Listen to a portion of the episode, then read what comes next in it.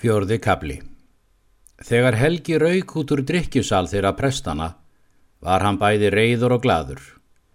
Hann var reyður að því að á móti honum og síðabótinni hafi verið slengt ósvípnum ásökunum og bryggslum sem hann var ekki maður til að mótmæla því að hann vissi að þær höfðu við mikinn sannleika styðjast.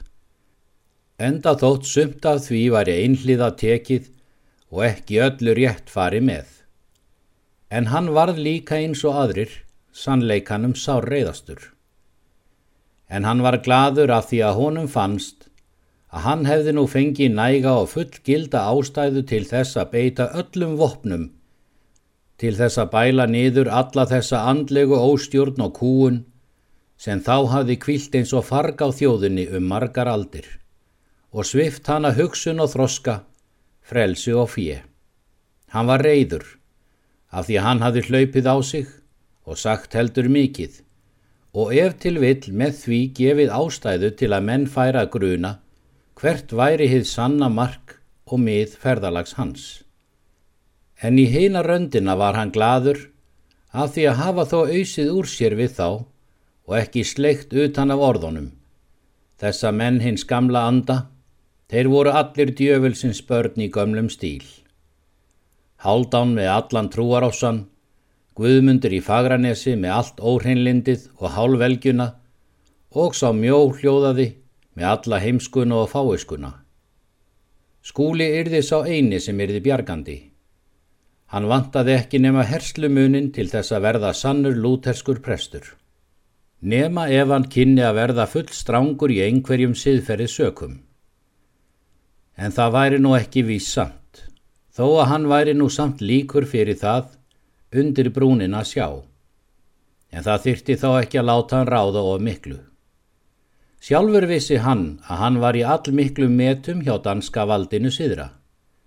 Hann var ekki ítla að sér, vel læs og skrifandi eftir því sem þá gerðist og hafði talsvert nýst í lög. Hann hafði ynd vel af hendi marga sendiferð fyrir höfusmannin og umbóðsmenn hans og teki þakkir og laun fyrir.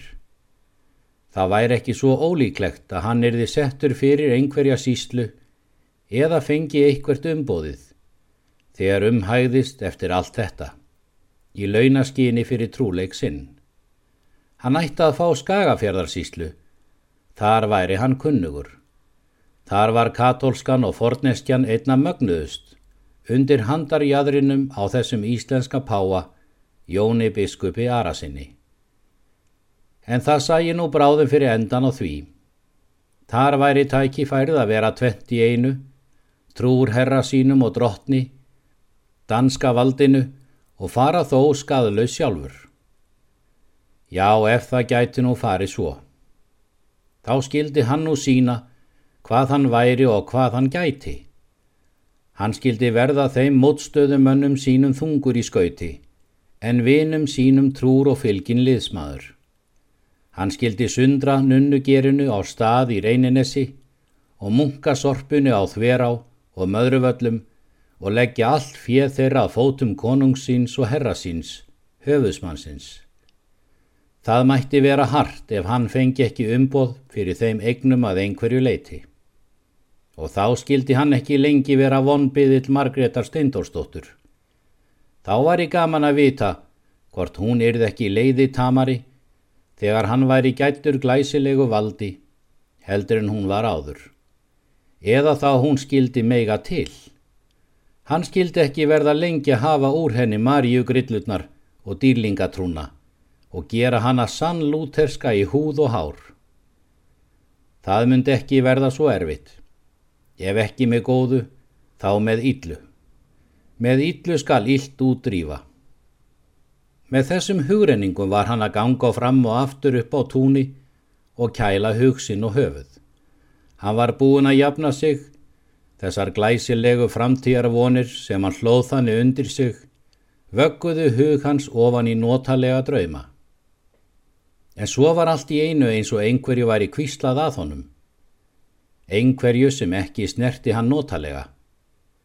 Hann kiftist við, leit upp og stemdi þegar heim til bæjar og gekk hart. Það skildi þó aldrei vera að yngjaldur bróðir hans og hún, nei það var í líkt hugsanlegt að hún hefði farið að halla sér á honum, stráknum, sem aldrei hefði verið maður að marki og aldrei yrði neitt úr. En enginn skildi samt trúa þeim. Hann hafði meira að segja séð ímismerki þess þegar hann fór að aðtuga allt betur að eitthvað myndi vera þar ótrútt. Að minnstakosti væri betra að taka fyrir það mál í tíma. Hann gekk hratt inn og inn öll göng allt til baðstofu. Baðstofan var laung og reist á palli, en um miðjuna var engin pallur. Þar sem inn var komið úr göngunum, heldur moldar golf á einu stafgólfi. Beggja vegna við gólf þetta var skilróm upp að byta og hurðir fyrir og sín trappan kvoru megin upp að stíga. Í öðrum enda baðstofunar var hús þeirra hjóna og þar fyrir framann satt vinni fólk á kvöldum við vinni sín á vetrum. Þar voru og nokkur rúm, en í hinum endanu voru rúminn fleiri. Þar sváu vinnukonur og unlingar inn í baðstofunni en piltar sváu fram í skála öðrum megin bæjardýra. Innar af hinum enda baðstofunar var afþiljað lítið hús aðeins eitt stafgólf. Það var skili frá baðstofunu með skilrúmi upp í ræfur og var hörð fyrir sem læsa máttað innan með draglóku. Það var hús Margreðar. Engin var í þeim enda baðstofunar þegar Helgi kom inn. Þar var því dimt en sá fyrir ljósinn í herbergi Margreðar við hurðina ofan. Helgi gekk hratt inn gólfið og let duna undir stífilónum með loðkraganum þegar hann steg til palsins. Hann gekk þegar að hurðinu og ítti á hana. Hún let þegar undan því að hún lá aðeins að stöfum en var ekki lokuð. Hurðin var lá. Hann var því að beigja sig mjög um leið og hann slengdi opnu og vatt sér inn en þegar inn fyrir kom gaf honum á að líta. Öðrum megin var rúm Margreðar til vinstri handar þegar inn var komið. Fyrir því voru tjöld og rósavefnaði ljós lituðum en fyrir stafni var lítið borð eða öllu heldur nokkurs konar dragkista á fótum með tveimur skúfum. Hinnum megi við hana var stóll, mjög útskorinn með gaggskornum rósum á bakinu. Á stólnum satt yngjaldur og hallaðist til hliðar fram á borðið en hinum eigin satt Margrét á rúminu og hallaðist líka til hliðar fram á borðið. Þau heldust í hendur annari hendi, fremst á borðinu, rétt frama við kertaljósið sem stóð þar í kopar pípu og litla sitjandi Marjumynd sem stóð þar á borðinu upp við þylið.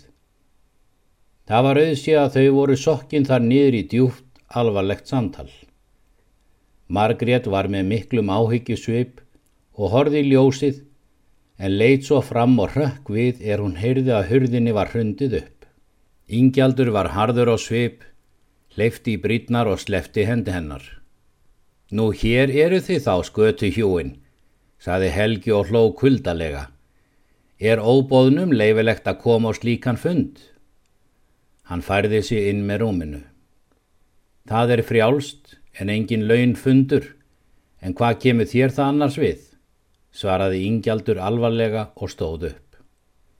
Margrét tók hendinni hægri fyrir hjartað og fölnaði, en mælti ekki orð.